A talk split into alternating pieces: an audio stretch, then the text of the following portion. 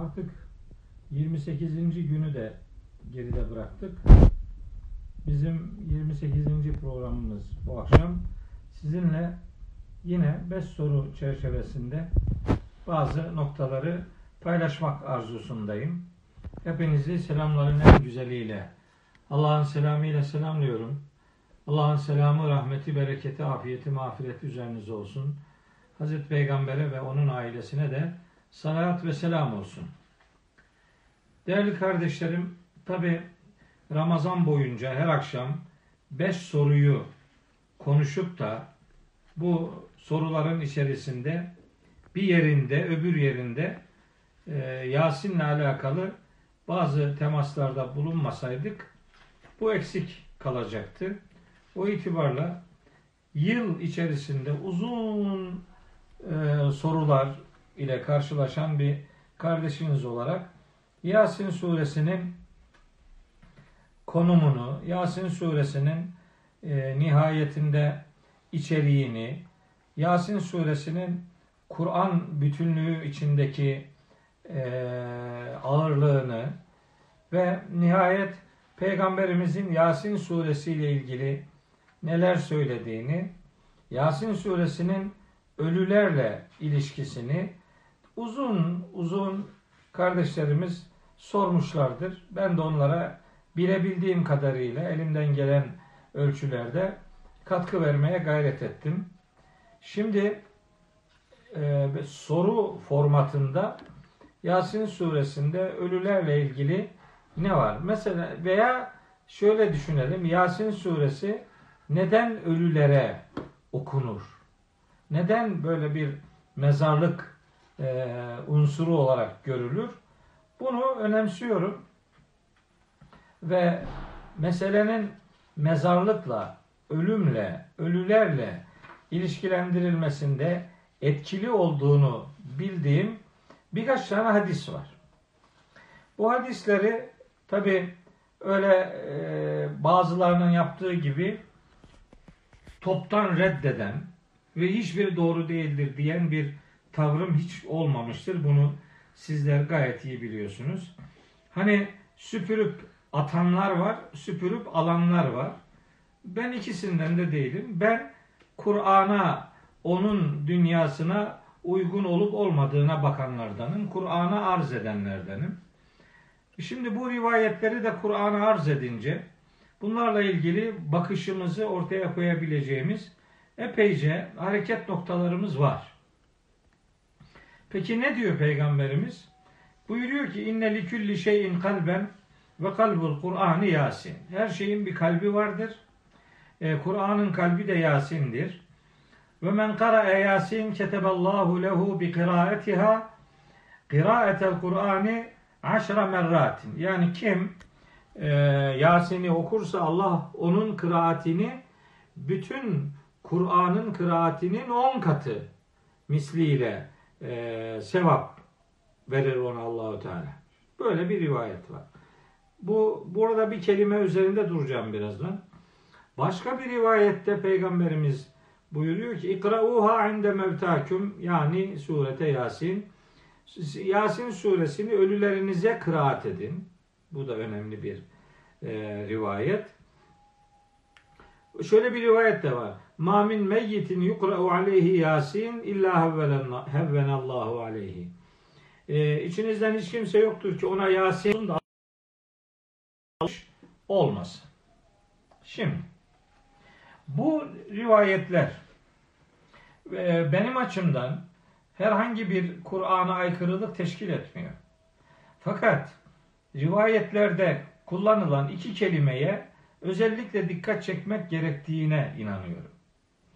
Bu iki kelimenin biri rivayetlerin hepsinde kara fiili kullanılıyor. Kıraat. Kıraat anlayarak okumaktır arkadaşlar.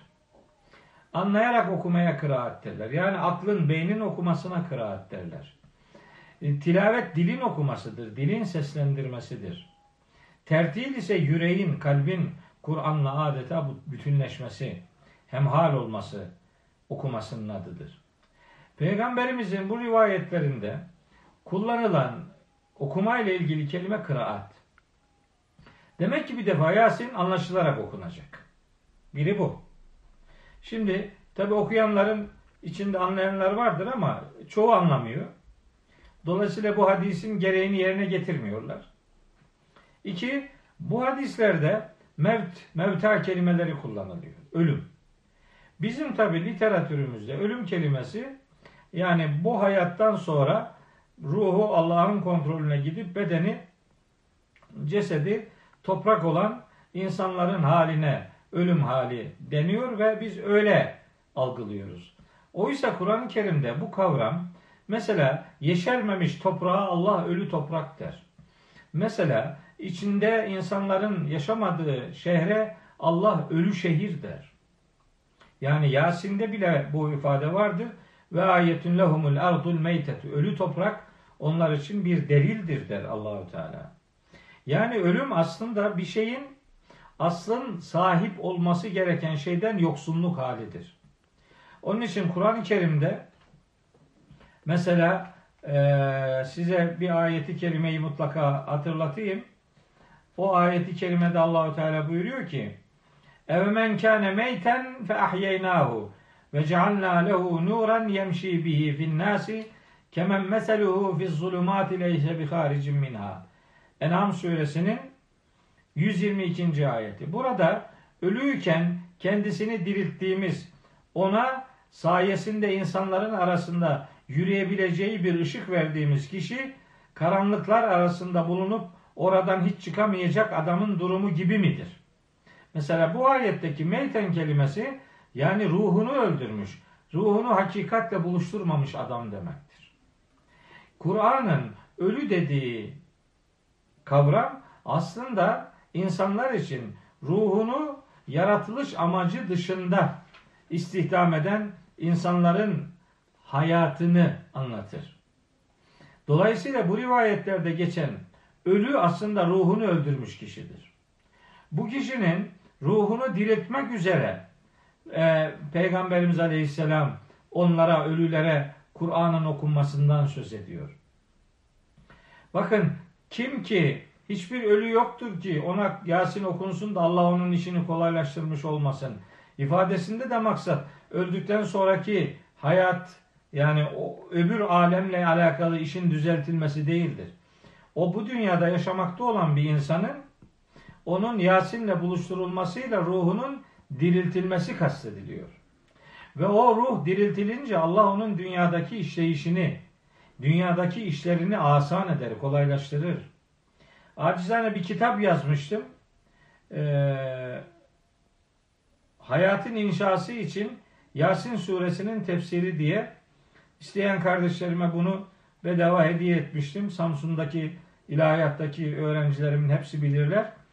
Ee, mesela bu kitapta adını özellikle hayatın inşası için Yasin suresinin tefsiri diye verdim. Ben peygamberimize nispet o rivayetlerin sahih olduğuna inanıyorum. Çünkü onların vahyin mantığıyla aykırı bir durum içermediğini düşünüyorum. Oradaki kıraatten maksat anlaşılarak okumaktır. Orada kendilerine okunmasından söz edilen ölülerden maksat da ruhunu öldürenlerdir. Nitekim, nitekim Yasin suresinin 70. ayetinde Allahü Teala Yasin'in, Kur'an'ın ve Hazreti Peygamber'in var ediliş amacını şöyle ifade ediliyor, ediyor. Liyunzira men kâne hayyen. Hayatta olanları uyarsın diye. Yani diri olanları uyarsın diye. Yasin ölülere okunur mu? Okunur. Ama hangi ölülere? Gezen ölülere. Gezen, ayakta olan ölüler. E, Yasin'i onlara okuyacaksınız ki ruhen diriltilmiş olsun. E, mezarlıktaki adama gidince de tabi gazel okuyacak halin yok. Orada da git bolca dua et. Dua ayetleri oku. Git Haşr suresinin 10. ayetini oku. Git mesela başka surelerden dua ayetleri, dua motifleri bolca oku. Bunun önünde herhangi bir engel yok. Ama gelin görün ki insanlar ısrarla ve inatla Yasin suresini özellikle mezarlıkta okunan bir sure olmaya e, dönüştürdüler. Daha da yetmedi işi biraz daha çığırından çıkartarak bunu dirilere okuyun diyenlere de her türden hakareti savurup durdular. Esasında rivayetlerin vermek istediği mesajla surenin Yasin suresinin e, mesaj dünyası birbiriyle ilişkilidir ve gezen ölülere yani ruhunu yaratılış amacı dışında e, istihdam eden insanlara Yasin okumalarının okunmasının önemine dikkat çekildiğini bu vesileyle beyan edeyim. Benim 1988 yılında ilahiyata ilk asistan olduğum yıl iki tane Belçika vatandaşı Yahudi turistin bana Yasin'le ilgili sorduğu sorulara cevap verememiş ve derin bir mahcubiyet yaşamıştım. E, Yasin kutsal geceleriniz var mı sizin diye sormuşlardı. Ben de var demiştim. Mesela hangi gece? Yasin e, okuduğumuz Cuma gecesi dedim. Niye okursunuz? İşte ölülere okuruz deyince adam dedi ki Yasin'de ölülerle ilgili ne var? Yasin'de ölülerle ilgili bir şey yok. O bildiğimiz manada cesedi toprak olan ölülerle ilgili orada bir şey yok. Olan bu surenin hayata okunmasıdır. Dirilere okunmasıdır. Onun üzerinden bir sunum gerçekleştirmek Yasin'le alakalı dirileri uyarması misyonu noktasında doğru bir işlemdir. Tekrar ediyorum mezarlığa gidince de yapılacak iş, en önemli iş mesela Haşir suresinin 10. ayetini okumak, mesela İbrahim suresinde Hz. İbrahim'in yaptığı Rabbena firli ve li valideyye ve lil müminine yevme yekumul hisab ayetini bolca okumaktır. İbrahim suresinin 41. ayetini bolca okumak ve geçmişlerimizin rahmete eriştirilmesi için dua motifli bu ayetleri yani Kur'anlaşmış ayetleri okumak doğru bir işlemdir. Burada herhangi bir yanlışlık söz konusu değildir. Şimdi bu akşam size ikinci sırada e, anlatmak istediğim şey yine Yasin suresiyle alakalı ve bu surenin böyle hayattan kopartılan yapısıyla hiç uyumlu olmayacak şekilde e, bunun manasının ne derin mesajlar içerdiğinin farkına varmayan bir e, duruş ortaya konulmasından duyduğum rahatsızlığı sizinle paylaşmak istiyorum. Bakın Yasin suresinin 77. ayetinden 83. ayetine yani son bölüm ayetinde çok önemli bir konuya dikkat çekilir. Soru Yasin suresinde diriltilmeye dair Allah'ın neler söylediği ile alakalı. Şimdi ben ayetler hakkında hani çok detaya girmeyecek şekilde bazı açıklamalar yapayım. O surenin yani Yasin suresi 77. ayette diyor ki Allahu Teala Evelem yaral insanı İnsan nankör insan şunu görmedi mi? Enna halaknahu min nutfetin. Biz onu döllenmiş bir yumurtadan yarattık.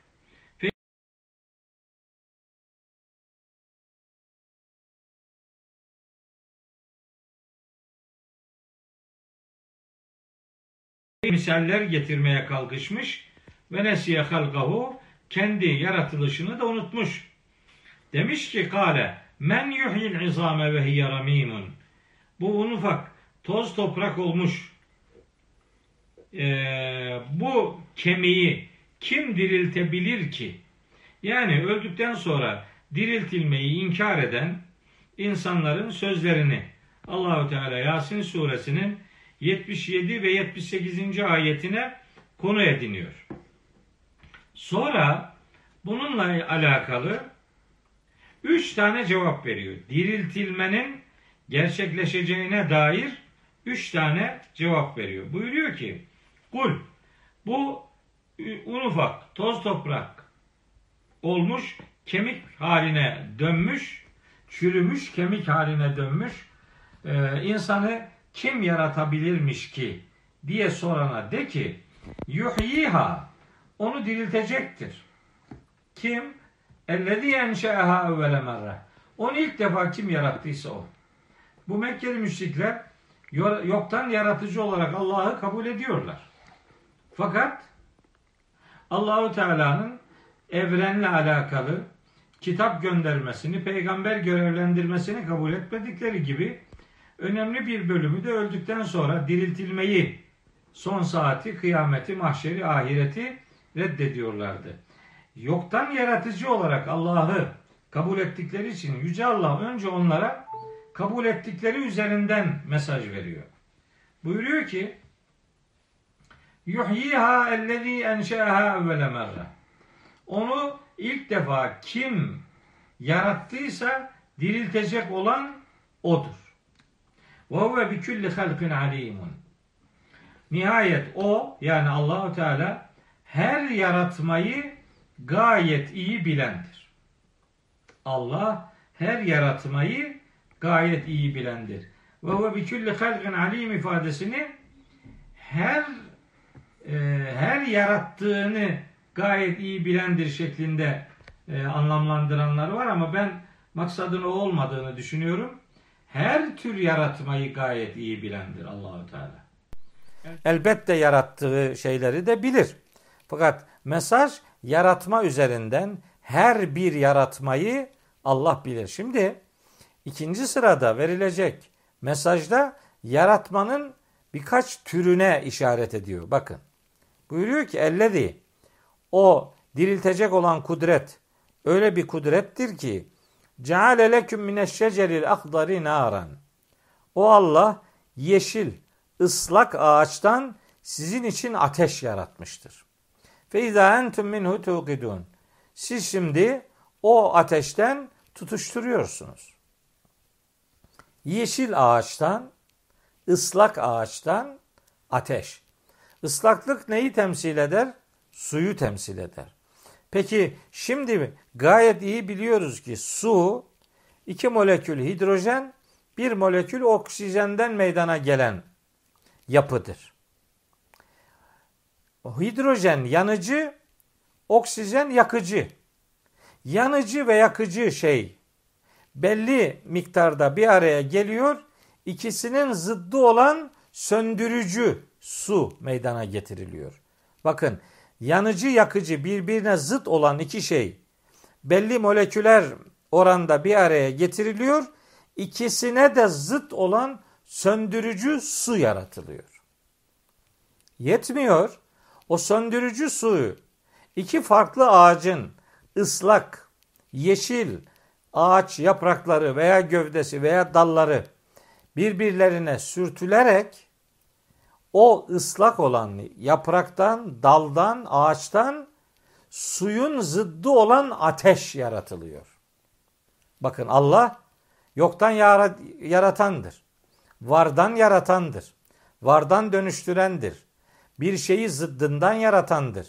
Zıtları birbiriyle birleştirip ikisine de zıt olan üçüncü bir şeyi yaratandır. Sonra tekrar tersine döndürerek yeniden zıtları bir araya getirerek hepsinin zıddını yaratabilendir. İşte yeşil ıslak ağaçtan ateş tutuşturmak, böyle zıtları bir araya getirerek yaratma kuvvetine, kudretine sahip olan Allah öldükten sonra mahşer için diriltmeye de elbette kadirdir. Elbette gücü yetecektir, yetmektedir. Bu ikinci cevap. Üçüncü cevap Eveleyse ellezî halakas semâvâti vel arda bi kadirin ala en yahluka mislehum. Şimdi müşriklere sorsan diyor Allahu Teala. Ve le in seeltehum men halakas semâvâti vel arda. Gökleri ve yeri kim yarattı diye sorsan le yekulunne Allahu Allah yarattı derler. Hem Ankebut suresinde e, hem Lokman suresinde hem Zümer suresinde hem Zuhruf suresinde bununla ilgili ayet kerimeler var. Ankebut 61-63'te var. Lokman suresinin işte 20 birkaçıncı ayeti yerini hemen söyleyeyim. Lokman suresindeki 26. ayet. Zümer suresi 38. ayet. E, Zuhruf suresi 9 e, ve 87. ayetler. Gökleri ve yeri yaratan kimdir diye sorsan Allah'tır cevabını verirler. İşte o cevabı veren adamlara Allahu Teala buyuruyor ki gökleri ve yeri yaratmaya, yaratan o büyük kudret insanların benzerini yaratmaya kadir değil midir? Oysa Mümin suresinde Allahu Teala buyuruyor ki: "La halqus semavati vel ardı ekberu min halqin nasi." Mümin suresi 57. ayet. Gökleri ve yeri yaratmak insanları yaratmaktan çok daha büyük zor bir iştir. Onların yaratıcısının Allah olduğuna inanan birinin yaratıcı o büyük kudretin insanı öldükten sonra diriltmeye gücünün yeteceğine inanmaması akıl kârı değildir. Bela, hayır hayır bu düşünceniz yanlıştır. Ve huve Allah el hallaku çok çok yaratandır. Her türden yaratabilendir. Bir çeşit değil, çeşit çeşit şeyleri yaratabilendir. El alimu ve her şeyi bil, hakkıyla bilendir. İnnemâ emruhu izâ arâde şey'en. Allah bir şeyin olmasını istediği zaman onun durumu sadece şudur. En yakule leh ilgili şeye der ki kün ol der feyekûnu o da hemen olmaya başlar. Oluşum başlar. Feyekûnu o fe hemen demektir. Yekûnü de oluşmak, oluşumun başlaması bir süreç halinde varlık alemine doğru yolculuğa çıkması demektir. İşte öldükten sonra diriltilmeye dair Kur'an'ın sunduğu en önemli üç tane konu başlığı Yasin suresinin 77 ila 83. ayetleri arasında zikredilmektedir. Bunu size bu vesileyle ifade etmiş olayım. Bu akşam sizinle paylaşmak istediğim üçüncü konu tevekkül kavramı ile alakalıdır. Tevekkül nedir? Tevekkül aslında birine kendini emanet etmek, birine güvene dayalı olarak kendini onun kontrolünde hissetmek onun güvencesinde hissetmek. Tevekkülle ilgili Kur'an-ı Kerim'de e, 40'tan fazla ayet-i kerime var. Ve kefa billahi vekiladan ve tevekkel diye başlayan ayetlere ve alallahi fel yetevekkelil müminun ve alallahi fel yetevekkelil mütevekkilun gibi ayetlere varıncaya kadar. Tevekkül miskin miskin yatıp olacakların gelmesini beklemek değildir. Tevekkül güvene dayalı, inancı güvene dayandıran insanların inandığı değerleri benimseyerek o değerlerin ondan yapmasını istediği fedakarlıkları yaparak büyük kudretin sahibi olan Allah'a güvenmek demektir. İman onun için bir tevekkül kurumudur. Ve alallahi felyetevekkelil müminun. Müminler sadece Allah'a güvensinler. Tevekkül tedbiri içeren bir kavramdır. Yani inandığımız ilahi kudret bizi hangi noktalarda inşa etmişse o inşa edildiğimiz noktalarda elimizden gelen her şeyi yapmamız ve işin sonunda bizi aşan noktalarda Rabbimizin kudretine teslim olmamız tevekkül budur. Tevekkül miskin miskin yatarak kaderine razı olmak değildir. Kader alemi Rabbimizin bir ölçüyle yaratma sıfatıdır Dolayısıyla tevekkül o kudrete sonuna kadar güvenmeyi içerir ve güvenirken de yapmamız gereken fedakarlıkları yapmış olmamızı bizden bekler. Hz. Musa etrafındaki az sayıdaki mümin delikanlıyı bilgilendirdiği bir e, pasajda Yunus suresi 84. ayette diyor ki Hz. Musa ve kâle Musa ya kavmi in kuntum amentum billahi. Ey kavmim siz eğer Allah'a inanıyorsanız fe aleyhi tevekkelu sadece Allah'a güvenin in kuntum müslimin. İnanıyorsanız güvenmelisiniz. Allah'a ne kadar güveniyorsanız o kadar inanıyorsunuz demektir. Müslümanların en büyük problemlerinden biri inandıkları Allah'a inandıkları oranda güvenmemelidir. Güvenmemeleridir. Oysa iman inanılması gereken değerlere inanmak, inanılan değerlere güvenmek, kendini güvende hissetmek ve çevresine güven vermek demektir. Mümin de inanılması gereken bütün değerlere inanan, inanıldığı, inandığı değerlere güvenen, bu sayede kendini güvende hisseden ve çevresine güven veren insandır. Belki sırf bu nedenledir ki Peygamberimiz Müslümanı tanımlarken el müslimu men selimel müslimune min lisanihi ve yedih. Müslüman elinden ve dilinden diğer Müslümanların, diğer insanların güven duyduğu insandır. Hatta birbirimize selam verirken selam aslında bir güven ilanıdır. Seva, selam bir güven telkinidir. İnsanlar birbirlerine güvenlerini ilan etmek üzere selam verirler. Bu selam üzerinden ya bir dostluk, bir kardeşlik parolası dile getirirler. Tevekkül o anlamda hayatı çepeçevre kuşatan en önemli kavramlardan bir tanesidir. Ancak boşu boşuna yan gelip yatarak değil, tedbirin, tevekkülün parçası olduğunu bilerek ona göre hareket edip şuurlu bir şekilde, bilinçli bir şekilde ilahi buyruklara sarılmayı gerektiren bir kavramdır ve vekil olan sadece Allah'tır. Vekil olarak bize yetecek olan sadece o, o Allah'tır. Peygamberimiz bile insanlarla ilgili herhangi bir vekalet noktasında görevlendirilmemiştir. Ve ma ente aleyhim bir vekil. Sen onların üzerinde hiçbir şekilde vekil değilsin. Vekil sadece Allah'tır ve vekil olarak ve kefa billahi vekila vekil olarak Allah yeter buyruğu bizim vekili de tevekkülü de doğru anlamamız gereken noktalardaki bilinç inşamızın e, unsurları arasında bu ayetleri de sizinle paylaşmış olayım istedim. Bugün size dördüncü konu olarak yine çok sorulan, çok merak edilen e, ve bir takım kültürel malzemeler noktasında işte e, gündemimizi meşgul eden Yecüc, Mecüc, Deccal. Bir defa şunu söyleyeyim. Bunlar eğer kıyametin alameti gibi sunuluyorlarsa en baştan ilan edeyim ki kıyametin alameti filan yok. Kıyametin bütün alametleri gelmiştir. En son alamet Hz. Muhammed ve Kur'an-ı Kerim'dir. Onların gelmiş olmasıyla başka alamet yok. Artık kıyametin aniden kopuşu vardır. Bu meseleyi alamet üzerinden yürütmeye çalışanlar alametler o kadar alametler yazıyorlar ki Kur'an'dan daha kalabalık kitap yazıyor yani. Kur'an'dan daha kalın kitap yazıyor. Kıyamet alametleri diye.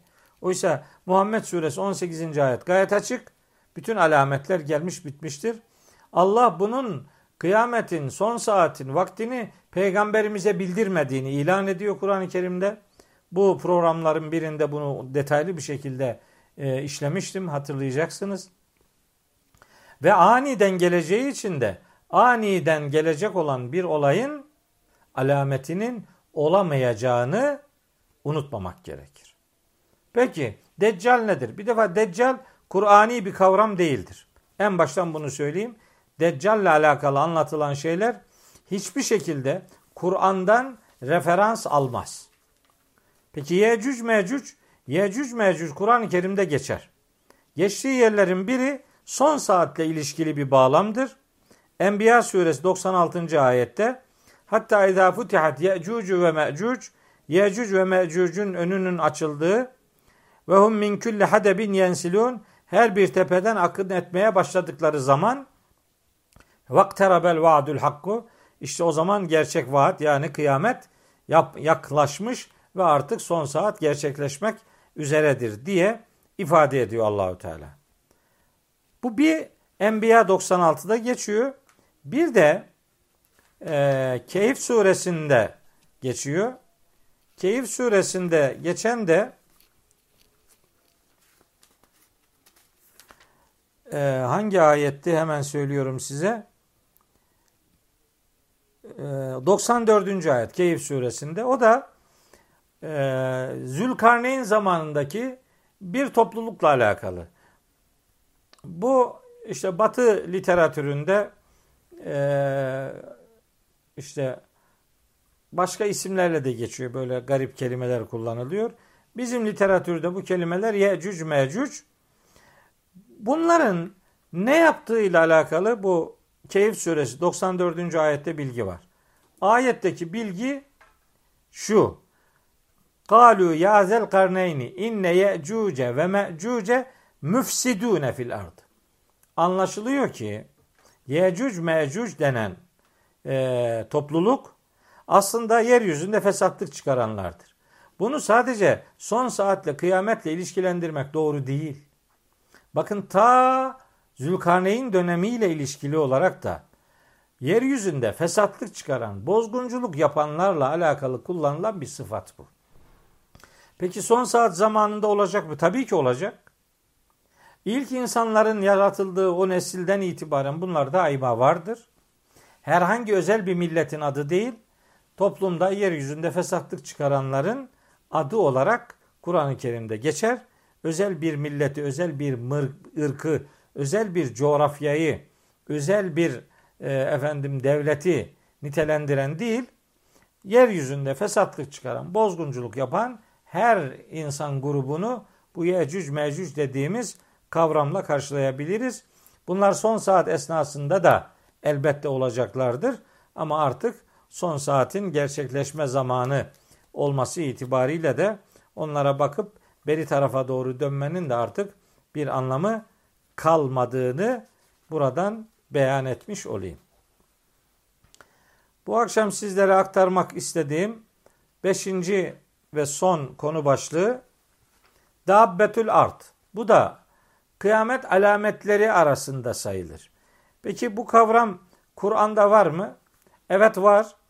Bu kavram Kur'an'da bir yerde Dabbetül Ard diye Sebe suresi 14. ayette geçer.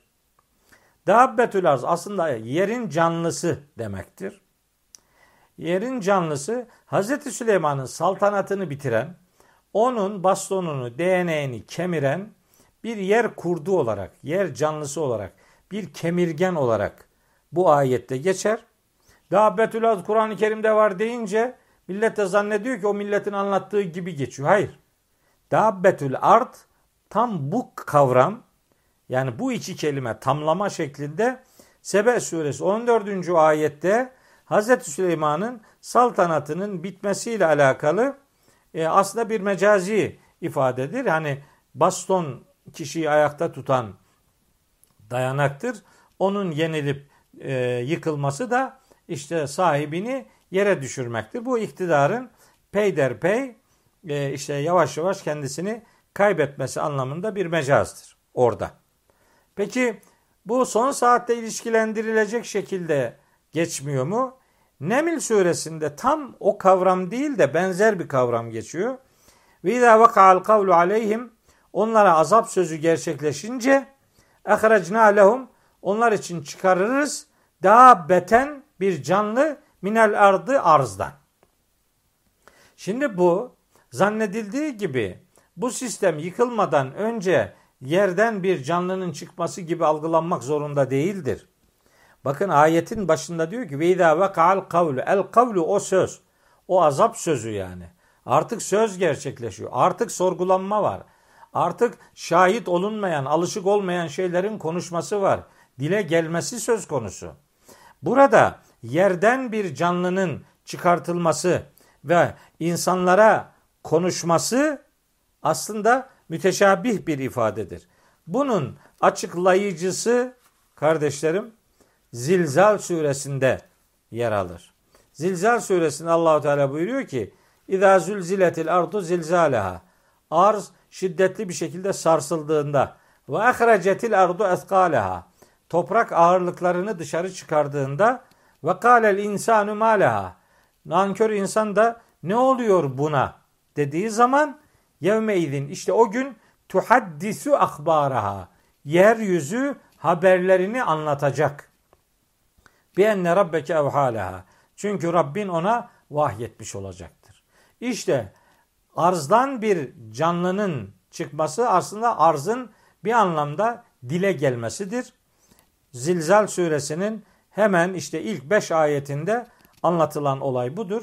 Ve bu yıkımın öncesinde değil, bizatihi bu sistem yıkılıp diriltilme başladığında yerin kendi haberlerini Allah'ın ona vahyetmiş olması nedeniyle yeryüzünün kendi haberlerini anlatması noktasında mahşerdeki sıra dışı konuşmalardan birinin yaşanacağını bu vesileyle söyleyeyim. Yoksa henüz bu sistem yıkılmadan yerden bir canlı çıkacak filan onu işte kıyametin alametidir gibi sunmak Kur'ani gerçeklerle uyuşmaz. Ayetin kendi bünyesi içerisinde de onunla uygun değil. Aksine konuyu ahirete mahşere e, götürmemizi sağlayacak, gerektirecek beyanlar vardır. Tekrar ifade edeyim. Kıyametin alameti filan yoktur. Onun bütün alametleri gelmiştir. Hazreti Peygamber'den önceki son peygamber Hazreti İsa'nın, son peygamber olarak Hazreti Muhammed'in ve son ilahi mesaj olarak da Kur'an'ın gelmiş olması kıyametin bütün alametlerini oluşturuyordu. Bunun dışında sayılanlar Yecüc Mecüc dediğim gibi bir algının ifadesidir. Deccal kelimesi Kur'an'da asla geçmemektedir. Dabbetül arz da Hz. Süleyman'ın iktidarı ile alakalı kullanılan bir kavramdır. Yerden bir canlı ifadesi ise aslında yerin konuşması sıra dışı bir şahitliğin devreye girmesi anlamında Zilzal suresi 4 ve 5. ayetler gereği yerin şahitliğini mecaz anlamında konuşmasını ifade eden birer hakikattır. Diğer alametler olarak sayılanlar da işte güneşin batıdan doğup doğudan batması veya işte ayın kararması bunlar zaten o son saat dediğimiz olayın işleyişinin parçalarıdır. Herhangi bir alamet niteliği taşımamaktadır diyorum. Böylece 28.sini icra ettiğim bu 5 soruya cevap programını sizlerle paylaşmış oldum. Yarın akşam inşallah bir başka 5 soruda buluşmak üzere. Hepinizi Allah'a emanet ediyorum.